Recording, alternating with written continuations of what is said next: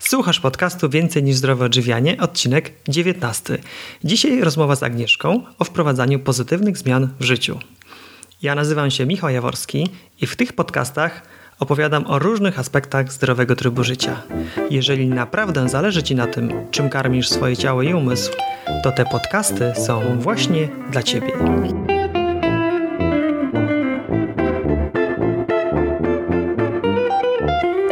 Witam Cię serdecznie w 19 odcinku podcastu na blogu Więcej niż zdrowe odżywianie. Dzisiaj będę rozmawiał z Agnieszką, autorką bloga lifemanagerka.pl. Będziemy rozmawiać o szeroko rozumianym zdrowym trybie życia.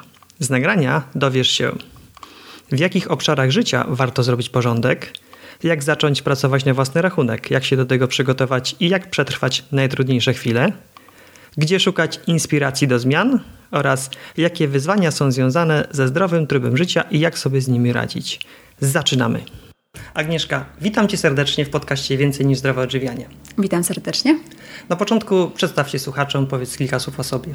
Mam na imię Agnieszka, prowadzę bloga www.lifemanagerka.pl i to, jak sama nazwa wskazuje, jest to blog o takim zarządzaniu swoim życiem, co ja rozumiem jako zdrowe odżywianie, zdrowy styl życia, ogólnie też aktywność fizyczna, ale też takie aspekty psychologiczne, kwestie dotyczące szczęścia, szczęśliwego życia, pracy i, i tym podobne. Więc tematyka jest bardzo szeroka, w tym mieszczą się też podróże, bo one też przynoszą nam szczęście, więc tak to mniej więcej wygląda. Bardzo dobrze się składa, mam do Ciebie wiele pytań. O czym piszesz jeszcze? W ogóle może zacznę od tego, skąd się wzięła nazwa mojego bloga. Ja w momencie, kiedy go zakładałam, pracowałam w agencji marketingowej jako project manager. I tak sobie pomyślałam, że tak myśląc nad nazwą bloga, bo zawsze wiedziałam, że chcę bloga założyć, porównałam sobie trochę to, co robię w pracy, czyli ten project management, e, z takim zarządzaniem życiem. I że właściwie dlaczego by nie przenieść pewnych swoich umiejętności e, dotyczących zarządzania projektami na moje życie prywatne. I stąd wzięła się Life Managerka, stąd, stąd ta nazwa. I początkowo miał to być blog przede wszystkim właśnie o zdrowym stylu życia, ale to tak jakby ewoluowało razem z moim życiem, gdzie właśnie pojawiły się jakieś decyzje do podjęcia, takie jak odejście z etatu i ewoluowało to na taką tematykę też bardziej rozwojową, trochę biznesową, ponieważ jestem freelancerem i o tym też piszę i jakby inspiruję też innych do tego, aby jakieś pozytywne zmiany w swoim życiu zawodowym wprowadzać. Nie namawiam każdego do zostania freelancerem, ale tak tak jakby chodzi o to, żeby każdy jakąś tam swoją drogę znalazł. Więc w tym momencie taka tematyka przewodnia to jest właśnie zdrowy styl życia i też takie, takie szczęście, dobre samopoczucie psychiczne, na co składa się e, czas wolny, praca zawodowa, no i wszystko to, co się wokół tego kręci, tak? czyli podróże, rozwój, rozwój biznesu i, i tym podobne rzeczy. Wspomniałaś o tym, że pracowałaś na etacie i w pewnym momencie podjęłaś decyzję, żeby odejść. Jak długo pracowałaś na etacie, zanim ta decyzja została podjęta? No już kilka lat, tak musiałabym teraz podsumować wszystkie lata, ale ja tę decyzję podjęłam, no tak około 7-8 lat pracowałam na etacie, z tym, że były to różne firmy. E, ja ogólnie nie narzekałam na ten etat, to nie było tak, że mnie się tam coś złego działo. Podjęłam decyzję o odejściu z niego, ponieważ po prostu poczułam się w pewnym momencie wypalona. To było tak, że ja pracowałam na stanowisku senior project managera, więc dostawałam takie projekty trochę trudniejsze, takie, które tam coś już było w nich może trochę nadpsute i tak jakby w pewnym momencie zatraciłam radość związaną z pracą w marketingu, bo, bo tym się zajmuję e, i głównie gasiłam pożary i naprawiałam jakieś e, rzeczy, które tam gdzieś się po drodze zepsuły i w pewnym momencie to mnie wypaliło. I uświadomiłam sobie, że właściwie chciałabym robić, e, realizować tylko projekty, które są zgodne z moimi też przekonaniami, Powiem tak, miałam do czynienia z pracą przykładowo dla wielkiego producenta napojów gazowanych, nie będę tu wymieniać, ale tak jakby to jest bardzo sprzeczne z moim stylem życia, ponieważ sama nie, nie lubię takich e, rzeczy, nie kupuję ich. I promowanie tego było dla mnie trudne, tak jakby tak. Znaczy to akurat było, były działania CSR-owe, czyli społeczna odpowiedzialność biznesu, więc powiedzmy, że może troszeczkę to łagodziło sytuację, ale ogólnie chciałam e, promować e, rzeczy, które są zgodne też z moim stylem życia i uznałam, że nie będzie to możliwe podczas pracy w agencji i stąd pomysł, żeby zacząć działać na własną rękę. Trudne tematy, właściwie bardziej gaszenie pożarów niż jakieś rozwojowe i tematy niekoniecznie związane z, ze stylem życia, który chciałabyś prowadzić. Tak, generalnie ja uważam, że trudne tematy też e, wiele wnoszą tak jakby w naszej pracy i, i to się przydaje, ale jeżeli są same trudne tematy, same mało mhm. przyjemne, to w pewnym momencie jest, jest to męczące i, i po prostu chciałam prowadzić trochę przyjemniejsze życie, bo w momencie, ja bardzo lubiłam swoją pracę w agencji, ale przyszły takie dni, kiedy ciężko było rano wstać z łóżka i myśleć o tym, z czym znowu muszę się zmierzyć i wtedy tak jakby po pewnym czasie takiego egzystowania podjęłam decyzję, że to musi się skończyć i że muszę wziąć sprawę w swoje ręce. Miałaś jakieś obawy? E, obaw miałam sporo. To jest e, taka działalność, która no jest bardzo duża konkurencja. Teraz bardzo wiele osób zajmuje się marketingiem, szczególnie marketingiem społecznościowym i jest na rynku bardzo duża konkurencja, szczególnie w postaci agencji. A nie oszukujmy się, jednak większość klientów e, dużych firm w szczególności nie chce współpracować z freelancerami, jakimiś tam no-name'ami, tylko wolą pracę z agencjami. Jakby rozumiem to, tak, z jednej strony. Natomiast z drugiej strony wiedziałam, że to będzie dla mnie pewną przeszkodą, więc na początku szokowałam szukałam, szukałam klientów pośród małych firm, ale tutaj też była przeszkoda w takiej postaci, że oni mm, nie potrzebowali też tak jakby kogoś do, do prowadzenia jakichś działań marketingowych, wszystko robili na własną rękę na przykład. Więc dosyć szybko zderzyłam się z rzeczywistością, i te moje obawy weszły w życie i okazało się, że rzeczywiście słusznie się obawiałam, że może być trudno. E, tak samo trudne było to, że nie było tego stałego dochodu i na szczęście ja się do tego przygotowałam, to znaczy zaoszczędziłam trochę pieniędzy na tyle, żeby przetrwać ten pierwszy trudny rok e, nieregularnych dochodów. I, i tak, i to były chyba największe obawy, one się sprawdziły, ale jakoś, jakoś z tego wyszłam. Ile czasu upłynęło od momentu, gdy podjęłaś decyzję i zaczęłaś pracę jako freelancer do, do momentu, w którym stwierdziłaś, że ok, już jestem, już są te zlecenia, już jest stabilny dochód i i faktycznie cieszyłaś się, że podjęłaś tę decyzję? To był mniej więcej rok. Tak się złożyło. Ja po niespełna roku miałam już taki kryzys, że chciałam zrezygnować z freelancingu. Akurat dostałam propozycję pracy w dużej agencji i byłam gotowa ją przyjąć, e, ale jeszcze jakby postanowiłam powalczyć o te moje marzenia. Uznałam, że to jeszcze nie jest ten moment. Tak jakby zbyt długo dogadywałam się z tą firmą, nie mogliśmy się mm, dogadać i ostatecznie zrezygnowałam z tego. E, I chwilę po tym dosłownie odwróciła się karta. To nawet nie tak, że że, ja coś zrobiłam, że się coś zmieniło. Po prostu los się odwrócił, posypały się zlecenia mm, od y, moich byłych pracodawców przykładowo. To trochę tak, że ja na swoją obecną sytuację pracowałam przez wszystkie lata mojej pracy. Odezwali się do mnie pracodawcy, u których pracowałam kilka lat temu, tak, y, pięć lat temu przykładowo i, i dostałam od nich propozycję współpracy. Odezwał się do mnie mój poprzedni pracodawca, od którego odeszłam z etatu. Więc jakby tych, e, te propozycje nagle się posypały e, i okazało się, że mam dużo pracy i jakoś zaczęłam sobie to wszystko układać. W pewnym momencie też musiałam zacząć segregować e, te zlecenia, niektóre odrzucić, ponieważ były też nie do końca zgodne jakby z moimi przekonaniami albo były zbyt stresujące, to znaczy ten stres był taki wyniszczający, a nie mobilizujący, ponieważ generalnie uważam, że są dwa rodzaje stresu. Jeden jest dobry, drugi jest zły i teraz tak jakby mam w życiu tylko ten, ten dobry i, i do tego dążyłam. A co było takim przełomem? I chyba przełomowym momentem było zgłoszenie się do mnie mojego pracodawcy, u którego pracowałam kilka lat temu, z propozycją działań marketingowych dla, dla jego firmy, e, gdzie my mamy bardzo dobre rela relacje, mamy też bardzo podobny pogląd na życie, chcemy właśnie promować zdrowy styl życia i tak jakby spotkaliśmy się na lunchu e, w pewien wrześniowy, piękne, wrześniowe, piękne popołudnie i ustaliliśmy, że chcemy robić coś razem w internecie. I wtedy powstał, e, powstała wizja programu e, o zdrowym stylu życia, który emitujemy, realizujemy i emitujemy na YouTubie. Jest to Zdrowomania, którą się teraz do tej pory zajmuję.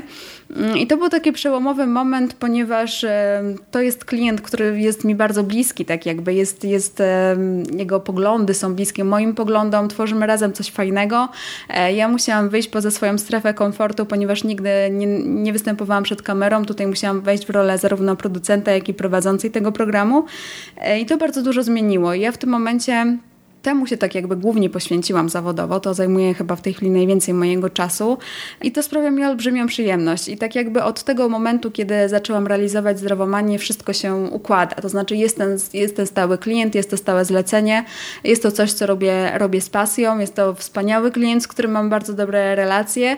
To pozwoliło mi założyć firmę, ponieważ do tej pory pracowałam na umowę zlecenie i umowę o dzieło, a tutaj zdecydowałam się ostatecznie założyć firmę, ponieważ mam też podwykonawców, operatora, grafika, i, i tym podobne. I to był taki przełom tak naprawdę, jeśli chodzi o mój, mój freelancing, moje, moje życie zawodowe w ostatnich latach.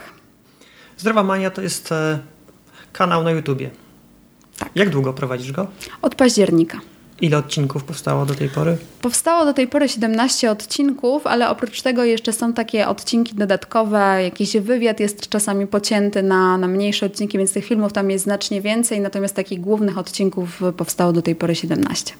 Wspomniałaś, że taką misją przewodnią jest promowanie zdrowego trybu życia. Czym dla Ciebie, Agnieszka, jest zdrowy tryb życia? Dla mnie zdrowy tryb życia jest e, wtedy, kiedy bardzo dobrze się czujemy, zarówno fizycznie, jak i psychicznie. Jeżeli, to znaczy, może nie do końca, bo jeśli ktoś siedzi e, codziennie na kanapie i patrzy się w telewizor i on się z tym dobrze czuje, no to to nie jest zdrowy tryb życia, ale skoro mówię subiektywnie, no to z mojego punktu widzenia ja nie czuję się dobrze, kiedy siedzę na kanapie i nie czuję się dobrze, kiedy moje ciało obrasta tłuszczem i wiem, że jem coś niezdrowego. Ja czuję się najlepiej wtedy, kiedy faktycznie się zdrowo odżywiam, kiedy dbam o tę stałą dawkę aktywności fizycznej, kiedy jestem jeszcze szczęśliwa też psychicznie, to też ma dla mnie duże znaczenie dla mojego zdrowia i, i to wtedy jest zdrowy tryb życia właśnie. Czyli zdrowe odżywianie, aktywność fizyczna i szczęście. Tak, ale też ogólnie dbanie o siebie pod takim względem, że nie unikam lekarzy, kontroluję swój stan zdrowia cały czas.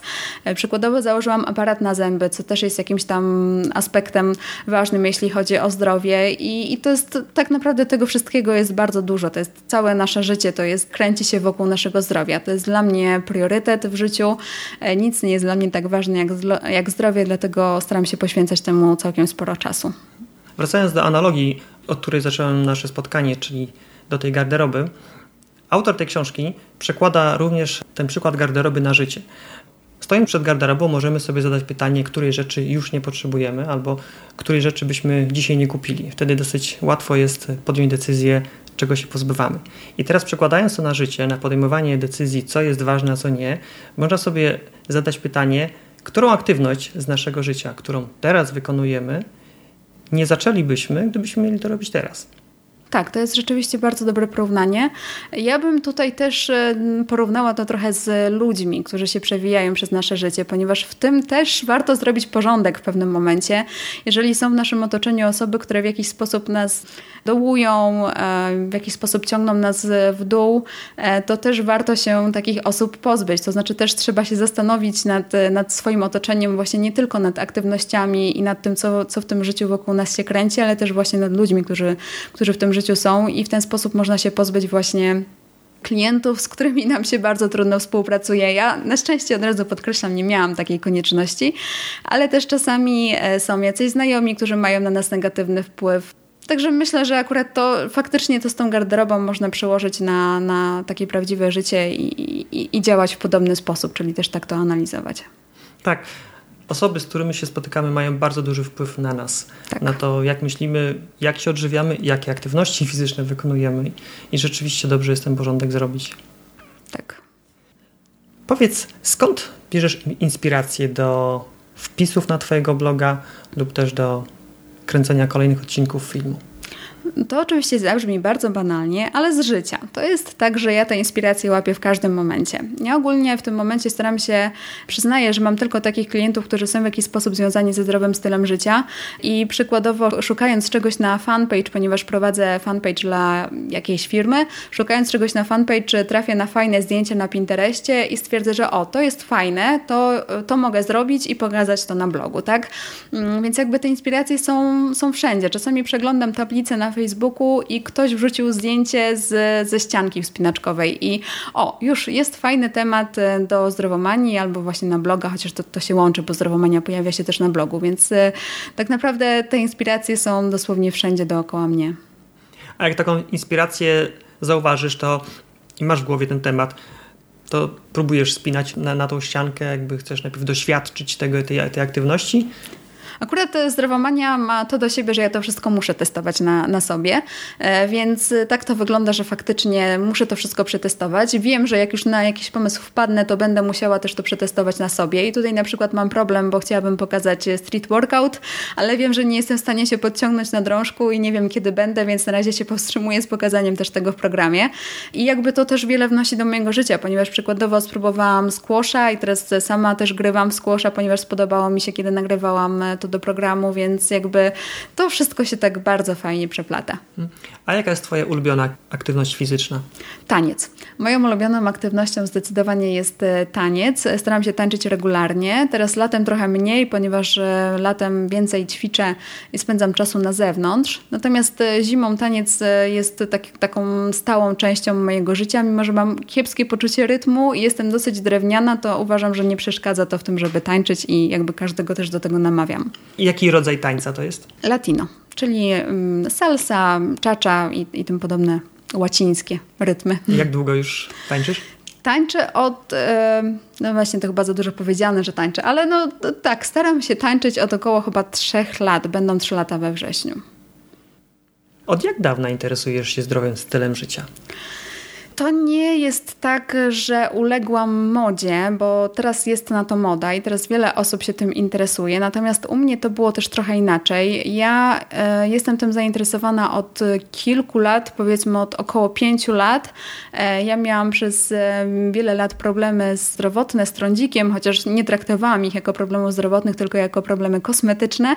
E, natomiast e, trafiłam w końcu na dermatologa, który powiedział: Ja pani nic nie pomogę, musi pani zrobić badania hormonalne i tak to się zaczęło, ponieważ podczas tych badań hormonalnych okazało się, że ja okaz zdrowia jednak tak zdrowa nie jestem. I, i wtedy dopiero zastanowiłam się nad tym, co jem zaczęłam analizować bardziej pewne rzeczy e, i zmieniłam, postanowiłam jakoś stopniowo zmienić e, też e, ten styl, swój styl życia. Szczególnie kiedy wyprowadziłam się z domu rodzinnego, to stało się łatwiejsze, bo już mnie mama nie dokarmia swoimi różnymi potrawami, które nie do końca mi służyły, więc tak od około pięciu lat się interesuję zdrowym stylem życia i jakby od około pięciu lat wdrażam go u siebie i to właśnie chyba jeszcze tak nastąpiło przed całym tym boomem. Ja generalnie, może zabrzmi to teraz negatywnie, że ja mówię o tym boomie, ale uważam, że jest to coś bardzo pozytywnego i cieszę się, że tak jest.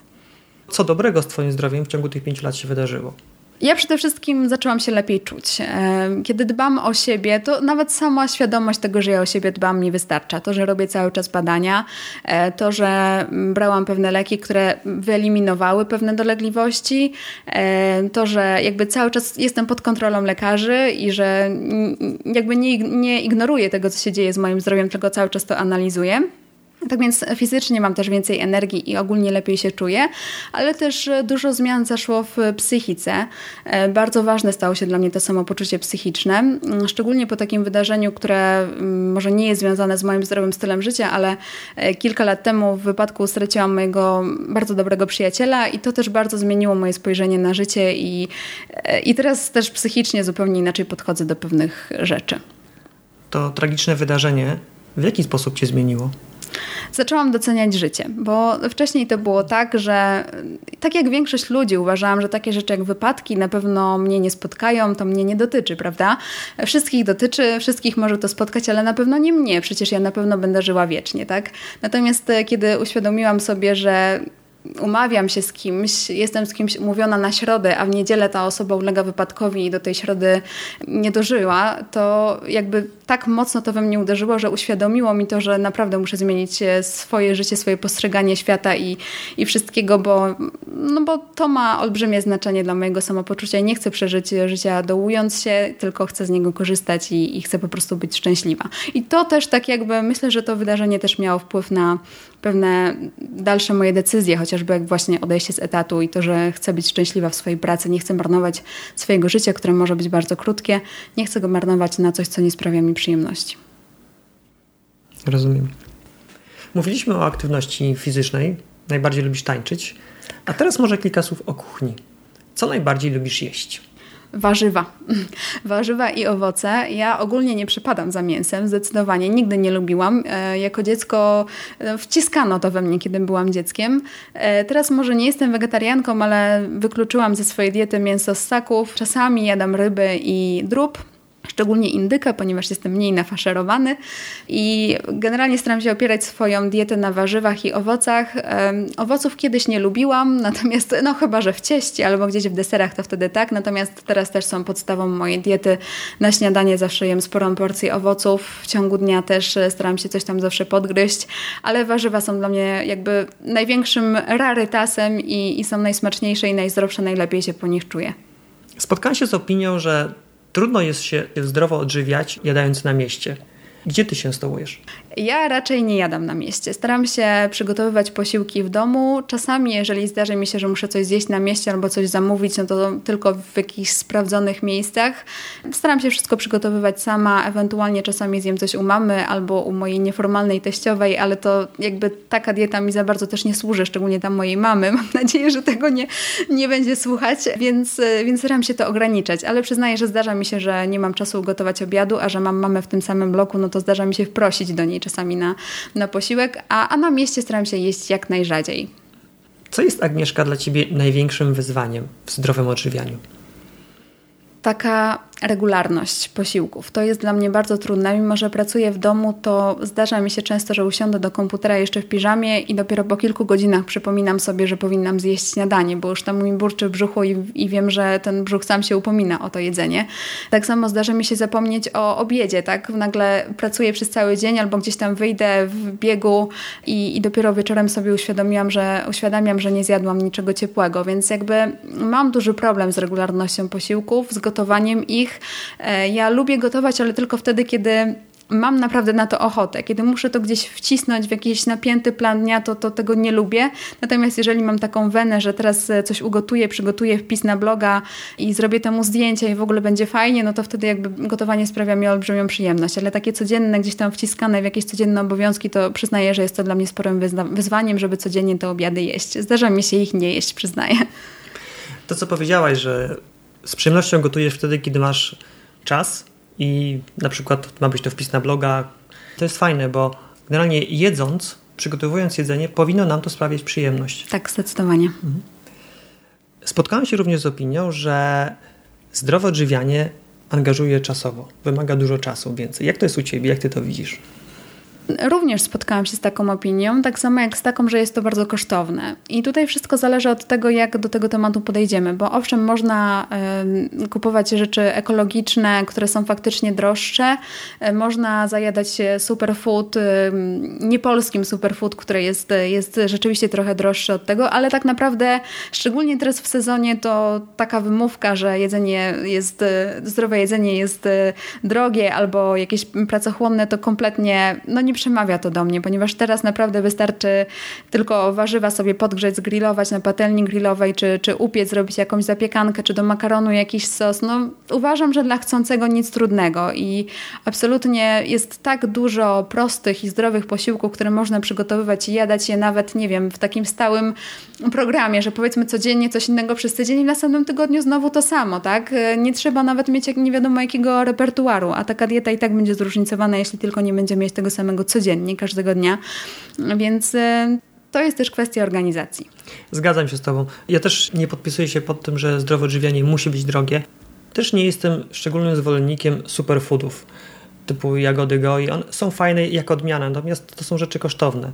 Równie wartościowe produkty możemy poszukać na naszym lokalnym rynku i, i z nich korzystać. Tak. Na, nawet staramy się z żoną przełamywać takie mity, pokazywać, w jaki sposób faktycznie można jadać zdrowo i jednocześnie, żeby budżet trzymać w ryzach. Tak, oczywiście jest przykładowo, są nasiona chia, tak, które są dosyć drogie, ale jest też siemię lniane, które ma również bardzo dużo pozytywnych właściwości, jest niedoceniany, a można je dodawać też do sałatek, robić z niego też pudding, kisiel, więc e, dla chcącego nic trudnego, szczególnie teraz, kiedy są blogi, każdy ma dostęp do takiej ilości wiedzy, inspiracji przede wszystkim, bo zakładam, że blogi są przede wszystkim inspiracją dla czytelników, e, więc nie ma wymówek, naprawdę. Powiedz, jaką rolę spełnia blog w Twoim życiu? Blog jest moim hobby, który mm, jest hobby, które jest trochę pracochłonne, nawet bardzo pracochłonne, czasochłonne, trochę też pochłania e, zasobów finansowych, ale też powiedzmy, że trochę na siebie zarabia.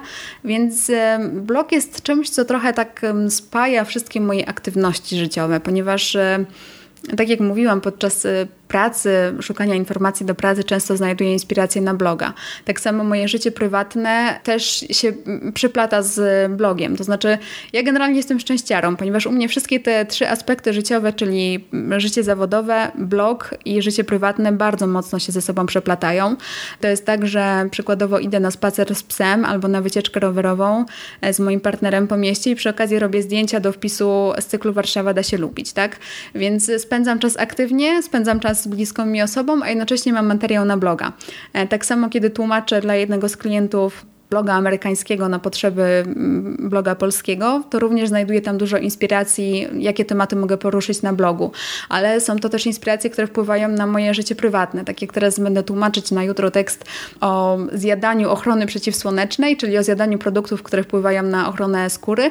I, i to też jest coś, z czego ja wyniosę coś dla siebie tak prywatnie, więc y, mówię, że jestem szczęściarą, ponieważ wszystkie, wszystkie te trzy aspekty mi się świetnie przeplatają i, i blog jest jakby taką ważną częścią tego wszystkiego. Jak znajdujesz na to wszystko czas? No to już właściwie na to odpowiedziałam, ponieważ to jest tak, że te wszystkie rzeczy się przyplatają i, i, jedna wspiera drugą tak naprawdę, czyli gotując sobie obiad, przy okazji robię też materiał na bloga, tak, mhm. więc y, naprawdę nie mam problemu ze znalezieniem czasu, chyba że mam jakiś taki gorący okres w pracy, to czasami zdarza się, że, e, że blog na tym cierpi, ale to też e, staram się to zmienić i podchodzę trochę do bloga jak do pracy, czyli wyznaczam sobie, że te minimum dwa wpisy, czy tam dwa czy trzy tygodniowo muszą się pojawić i nawet jeśli nie mam za bardzo na to czasu, to siedzę wieczorem czy w nocy i, i piszę ten post, czy przygotowuję zdjęcia, czy coś takiego, wstaję wcześniej przygotowuję zdjęcia i mm, kiedy zaczęłam go trochę częściowo traktować jak pracę, to już go tak nie zaniedbuje i nie przegrywa z tą moją właściwą pracą, więc tak to wygląda. Mówiliśmy o aktywności fizycznej, mówiliśmy o zdrowym odżywianiu, natomiast takie pełnia szczęścia to jeszcze rozwój psychiczny. Co robisz takiego dla duszy, żeby czuć się dobrze, żeby złapać ten balans, tą harmonię między właśnie tą, tą pracą zawodową, aktywnością fizyczną i takim czasem wolnym rozwojem? Ja mam takie trochę niepopularne podejście w dzisiejszych czasach, ponieważ ja staram się nie pracować za dużo. Dla mnie nie jest ważne to, żeby mieć jak najwięcej zleceń, jak najwięcej pieniędzy, tylko żeby mieć jak najwięcej czasu na mm, delektowanie się życiem, podziwianie koloru tych pięknych truskawek, które tutaj obok nas stoją, czy wyjście na spacer z psem i wąchanie powietrza po deszczu. Ja wiem, że to w dzisiejszych czasach brzmi trochę dziwnie, ale ja naprawdę staram się mieć czas na takie rzeczy. To jest też trochę związane z tym docenianiem życia, które przyszło po tragicznym wydarzeniu, które spotkało mojego przyjaciela.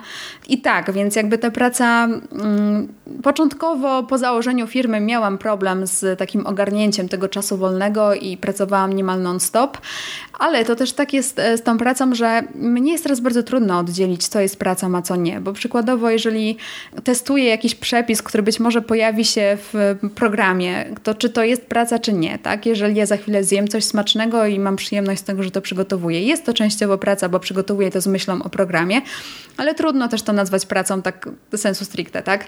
Ciekawą rzecz powiedziałaś. Faktycznie w naszej kulturze, takiej europejskiej, istnieje takie przekonanie, że pozycja społeczna jest tożsama z posiadaniem. Posiadaniem roli zawodowej, posiadaniem jakiegoś mienia i, i trochę zapędzamy się taką, taką klatkę pracy, że chcemy pracować jak najdłużej, bierzemy nadgodziny po to, żeby pracować na tą przysłowiową pozycję społeczną. Natomiast fajnie, że to powiedziałaś, bo to może brzmieć dziwnie, natomiast dla mnie zupełnie takie nie jest. Teraz e, skończyłem czytać fajną książkę Błękitne strefy. To jest książka o oazach długowieczności. Autor zanalizował siedem społeczności na świecie, społeczności, których e, ludzie żyją najdłużej, szukając jakiejś części wspólnej. I jedną z części wspólnych, jaką znalazł, to właśnie było to, że ludzie ci potrafią cieszyć się życiem. Jedna z kobiet, chyba 112-letnia, nawet powiedziała: Nie pędź tak, bo nie zauważysz życia. Tak. I fantastycznie, że to powiedziałaś, bo to jest coś, co no, do mnie dotarło zupełnie niedawno. I też właśnie w swoim życiu staram się zaprowadzić takie zmiany, aby mieć więcej czasu na przysłowiowe wąchanie róży. Tak, to jest dobre określenie też. E, ja jestem bardzo zaniepokojona, kiedy widzę, kiedy, nie wiem, mój brat e, czy, czy ktoś ze znajomych e, bierze ciągle jakieś nadgodziny, tutaj jeszcze jakaś taka praca, taka praca, żeby tylko móc wyjechać na wakacje, żeby tylko wykończyć, wyremontować dom czy coś takiego. No, każdy ma inne priorytety w życiu, tak? I jakby ja to rozumiem, że niektórym bardzo zależy na tej budowie domu czy, czy na tych wakacjach, ale ja cały czas mam gdzieś e, w głowie to, że to życie nie jest wieczne i że pędząc za tymi wakacjami czy, czy za tym nowym domem, możemy w pewnym momencie jakby stracić wszystko i nie będziemy mieli ani tego domu, ani, ani nic, tak? Więc jednak takie korzystanie z życia jest dla mnie najważniejsze i to zawsze będzie, znaczy nie mówię, że zawsze, bo nigdy nie wiem jak będzie, nie wiem czy sama kiedyś nie wpadnę w taki wir, mam nadzieję, że nie, ale jest to dla mnie bardzo ważne, żeby mieć czas na, na życie, na życie prywatne i ogólnie na, na to wąchanie róży. Jak czasem się zapędzę, to przywołuję sobie w myślach taki przykład dosyć mocny. Można sobie wyobrazić siebie na łożu śmierci mhm. i zadać sobie pytanie, czego będę żałował? Czy tego, że nie zrobiłem kolejnego projektu w nadgodzinach, czy tego, czy, że nie spędziłem czasu z moimi dziećmi czy przyjaciółmi? Tak. I to bardzo łatwo pozwala wtedy podjąć właściwe decyzje. Tak, nie sądzę, żeby ktoś żałował tych projektów, naprawdę. Tak. W Twoim życiu faktycznie zaszło wiele zmian. W szczególności przejście z etatu na bycie freelancerem. Ja w swoim życiu też miałem taki epizod. Przez y, kilka lat pracowałem jako freelancer za granicą. I to był bardzo fajny okres, bo z jednej strony jest ta wolność, ale z drugiej strony jest też taka presja, że za chwilę skończy się projekt i czy będzie kolejny. Z trzeciej strony ta presja działa też motywująco. Bo wtedy staramy się pokazać z jak najlepszej strony, po to, żeby ten kolejny projekt przypadł nam. Wiele osób jest na takim rozdrożu. Co byś im doradziła? Hmm. To znowu zabrzmi banalnie, ale ja jestem zwolenniczką takiego wsłuchiwania się w siebie i takiej analizy swoich prawdziwych potrzeb. I generalnie też to, to chcę podkreślić, że mam taką filozofię życiową, jest to coś, w co ja bardzo głęboko wierzę, że nic w życiu nie dzieje się bez przyczyny. I nawet jeśli utracimy jakiś projekt, e, czy coś nam nie wyjdzie i będziemy mieli jakiś gorszy okres w życiu, to to dzieje się po coś. To znaczy, że gdzieś tam czeka lepszy projekt albo lepszy sposób na życie i jakby to, co bym powiedziała każdemu, kto stoi przed jakąś ważną decyzją, to żeby wsłuchał się w siebie i nie żałował rzeczy, które w jakiś tam sposób może stracić, ponieważ e, to ma jakiś głębszy sens, który możemy poznać później. Nie wiem, czy odpowiedziałam na pytanie. Tak, tak. I ja też wierzę w głębszy sens. Szczególną zwolenniczką tej teorii też jest moja żona. Wiele przykładów potrafi z życia pokazać. Też e, w książce, o której mówiłem, Oazy Długowieczności, też ten aspekt jest poruszany. Właśnie ludzie, czy to kwestie kulturowe, czy związane z religią, wierzą w wyższe coś. Co nad nimi czuwa? To jest troszeczkę takie jakby, troszeczkę zdjęcie odpowiedzialności że nie, nie, wszystkie decyzje musimy podejmować, że czasem tak. ktoś za nas podejmie tą decyzję i jest nam lżej. Tak, czasami nawet jeśli ją podejmiemy i wydaje nam się, że ona jest zła, to prawdopodobnie po jakimś czasie dostrzeżemy, że wcale ona nie była zła. I naprawdę ja to widzę e, w, każdym, w każdej sytuacji i po sobie, i, i po kimś. I zawsze, kiedy dzieje się coś złego w moim otoczeniu, to zawsze sobie tłumaczę, że, że to jest po coś, nawet po to, żeby można było później doceniać te, te lepsze chwile. Czyli wsłuchać się w siebie nie bać się decyzji, bo nawet jeżeli coś na porządku będzie nie po naszej myśli, to i tak w dłuższej perspektywie to się dzieje po to, żeby było nam lepiej. Tak, ja w to wierzę. I tak jest dobrze. Co byś chciała robić za pięć lat? Ja nie wybiegam tak daleko w przyszłość. To jest dla mnie daleko, ponieważ e, pracując w taki sposób, w jaki pracuję i tutaj znowu nawołuję, nawołujemy, wracamy do projektów, e, nigdy nie wiem, co będzie za kilka miesięcy, nie mówiąc już o tym, co będzie za rok. Jedno jest pewne, ja nie chcę wracać na, na etat, ja chcę robić e, coś swojego mm, i nie wiem jeszcze, co to będzie za pięć lat, czy będzie to, czy rozwinie się blog, e, czy, czy rozwinie się moja działalność mojej jakby firmy jednoosobowej. Cokolwiek by się nie działo, Ważne, żebym była szczęśliwa i, i do tego będę dążyć. Jestem przekonana, że jakiś własny biznes, jakaś własna działalność mi w tym pomogą. E, no prywatnie też chciałabym, żeby coś się zmieniło, ponieważ e, teraz e, reprezentuję układ rodziny 2 plus pies, natomiast nie mam nic przeciwko, aby za jakiś czas było, nie wiem, 2 plus 1 lub 2 plus 2 plus pies. Plus kot. Bardzo dobra perspektywa. U nas jest 2 plus 3 i to jest naprawdę fajny układ. No tak, u mnie, u mnie trójką powiedzmy, że może być pies albo pies i kot, ale, ale tak. Tak, do pewnej decyzji trzeba dojrzeć. Mm, ja jeszcze dwa lata temu nie sądziłem, że będziemy mieć trzecie dziecko, a nagle pod wpływem pewnych decyzji i przewartościowania pojawił się trzeci dziedziuś i jesteśmy bardzo szczęśliwi. Gratuluję. O blogu już nam troszeczkę powiedziałaś, o tym, co teraz piszesz, natomiast jakie plany w dłuższej perspektywie wiążesz ze swoim blogiem?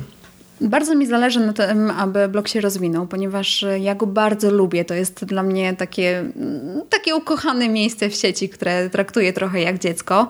E, I bardzo mi zależy na tym, aby się rozwinął, ponieważ ja czuję misję, jeśli chodzi o bloga i naprawdę zależy mi na tym, aby namawiać ludzi do pozytywnych zmian, aby inspirować ich, mm, aby zaczęli czytać etykiety w sklepach i tym podobne. I chciałabym też, e, aby blog częściowo też był też częścią mojej pracy, ponieważ chciałabym móc poświęcać mu sporo czasu. Jeżeli się okaże, że blog zaczyna na siebie trochę zarabiać, to ja będę mogła poświęcić mu więcej czasu niż na przykład teraz. I przyznam szczerze, że mi na tym zależy, chociaż e, ja, jeśli chodzi o zarabianie na blogu, mam trochę dylemat, ponieważ e, sama dokładnie wiem, co chcę promować, e, jakie marki i bardzo wiele propozycji muszę odrzucać, ponieważ są to przykładowo właśnie napoje słodzone, czy coś w tym stylu, czyli coś, czego bym nie kupiła i przez to wiele kampanii przychodzi mi koło nosa. Natomiast e, tu też nie chodzi o to, że ja chcę brać udział we wszystkich kampaniach, tylko chciałabym, abym mogła przez bloga promować naprawdę dobre produkty, które sama polecam, które które sama kupuję i które chcę, żeby były wypromowane i które chcę, żeby ludzie kupowali. E, więc chciałabym, żeby blog się naprawdę rozwinął i miał szerokie grono odbiorców. E, I też planuję rozkręcić jeszcze bardziej swoją działalność na, na YouTubie. I tutaj nie tylko mówię o zdrowomanii, ponieważ jej los zależy od sponsora, który opłaca chociażby pracę operatora ale też sama czuję taką zajawkę do nagrywania filmów i sprawia mi to duże przyjemności. Pozbyłam się lęku przed kamerą, więc to też chciałabym rozwijać. Agnieszka, gorąco Ci tego życzę, bo misja, o której wspomniałaś, czyli promowanie zdrowego trybu życia, tego, żeby ludzie byli świadomi, co jedzą i jak to wpływa na ich organizm, jest bardzo bliska również mi, mojej rodzinie i, i tego, o czym ja na swoim blogu z żoną piszę. Także życzę Ci y, gorąco jak największej liczby czytelników, żeby ta misja z informacją o zdrowej żywności dotarła do jak najszerszego grona. Tak, a ja moim czytelnikom, którzy być może to słuchają, polecam, aby zagłębili się w Twojego bloga. Jest tam kilka bardzo ciekawych przepisów, sama planuję niektóre zrobić, więc polecam. Dziękuję serdecznie za polecenie, dziękuję serdecznie za rozmowę i do usłyszenia. Ja również dziękuję. Cześć. Cześć. Tak, to już wszystko, co przygotowałem dla Ciebie w dzisiejszym odcinku podcastu. Mam nadzieję, że był dla Ciebie ciekawy i że wyniesiesz z niego coś wartościowego dla siebie lub dla swoich bliskich. Notatki do tego odcinka podcastu znajdziesz pod bezpośrednim linkiem www.więcejniżzdroweodżywianie.pl ukośnik 019 pisane bez polskich liter i bez spacji. Na koniec mam do Ciebie gorącą, gorącą prośbę. Oceń proszę mój podcast w serwisie iTunes. Wystaw 5, 4, 3 lub jedną gwiazdkę w zależności od tego, jak Ci się podobało. Ważne, abym miał od Ciebie informacje, co ewentualnie mogę robić lepiej, aby materiały, które przygotowuję, były jak najwyższej jakości.